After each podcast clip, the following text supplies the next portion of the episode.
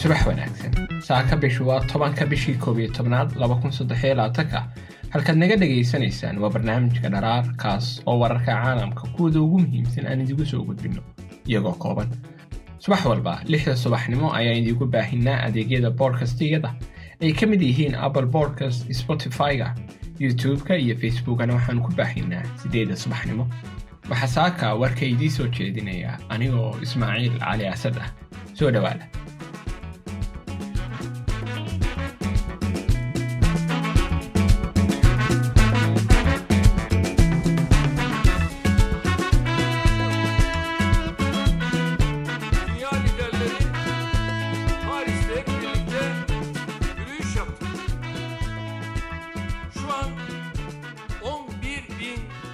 hogaamiyaasha turkiga iiraan ruushka bakistan ayaa dhammaantood safaro ku maraya bartamaha asia.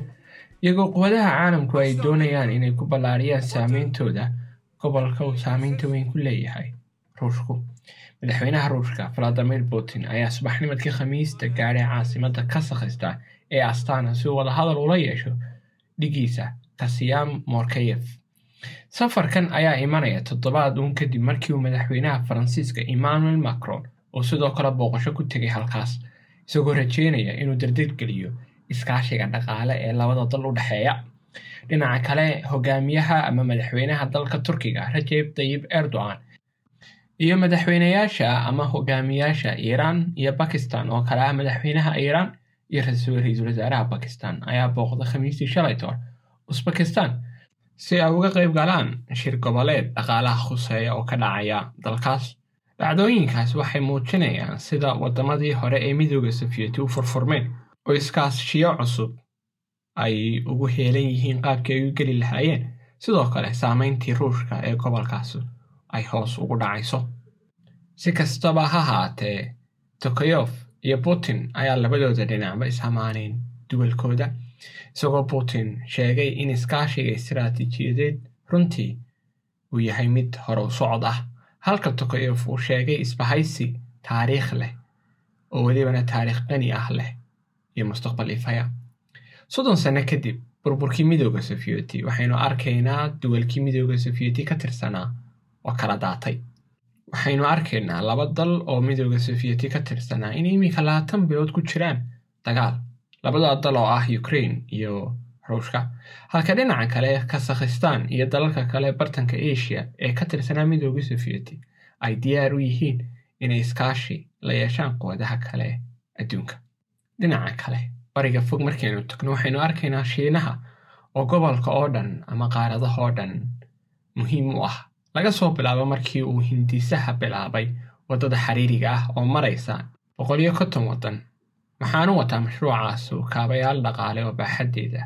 ama awooddeeda dhaqaale wadata midooda yurub maraykanka iiraan turkiga ayaa sidoo kale ku loolamaya bartamaha aasiya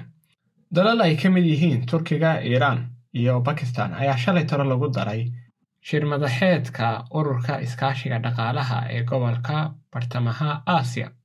oo shalay toro khamiistii ka dhacay tashkent shirkan wuxuu ku soo beegmayaa wakhti xaalada adagii ka taagan yihiin khaza dagaal u dhexeeya falastiin iyo israa'iil oo israa'iil ay ku dishay in ka badan koob iyo toban kun oo qof oo reer falastiin ah. Sida caadiga ah shirarka ay qabsadaan ururkani wuxuu u badan yahay shirar dhaqaale. Waxay diidayaan duwalkani goob ay ka galaan badda waana sababta ay ugu soo casuumeen shirka bakistan dhinaca kale moscow waxay rabtaa inay dib u cusboonaysiiso maalgashiga. Qaybaha tamarta ah oo cunaqabateen reer galbeedku ka saareen duulaanka buuxa ee ukrain uu ku hayo waxayna bilaabaysaa moscow mashruuc tamareed ay gaaska u dirayso usbakistan isagoo sii dhex marayo kasakhistan dhinaca kale moscow waxay kula jirtaa wadahadallo dhowr dal oo ay u dhisayso tamarta nukliyarka intaas ayuu ku eegyahay maanta barnaamijkeenu ha inaad u dacaysaan walaaladeen reer falastiin ee iminka koob iyo toban kun oo qof dadyooga israa'iil ka disha ay kor u dhaafeen mar kale dhammaantiin waxaan idiin rajaynaynaa maalin qurux badan. Nabaday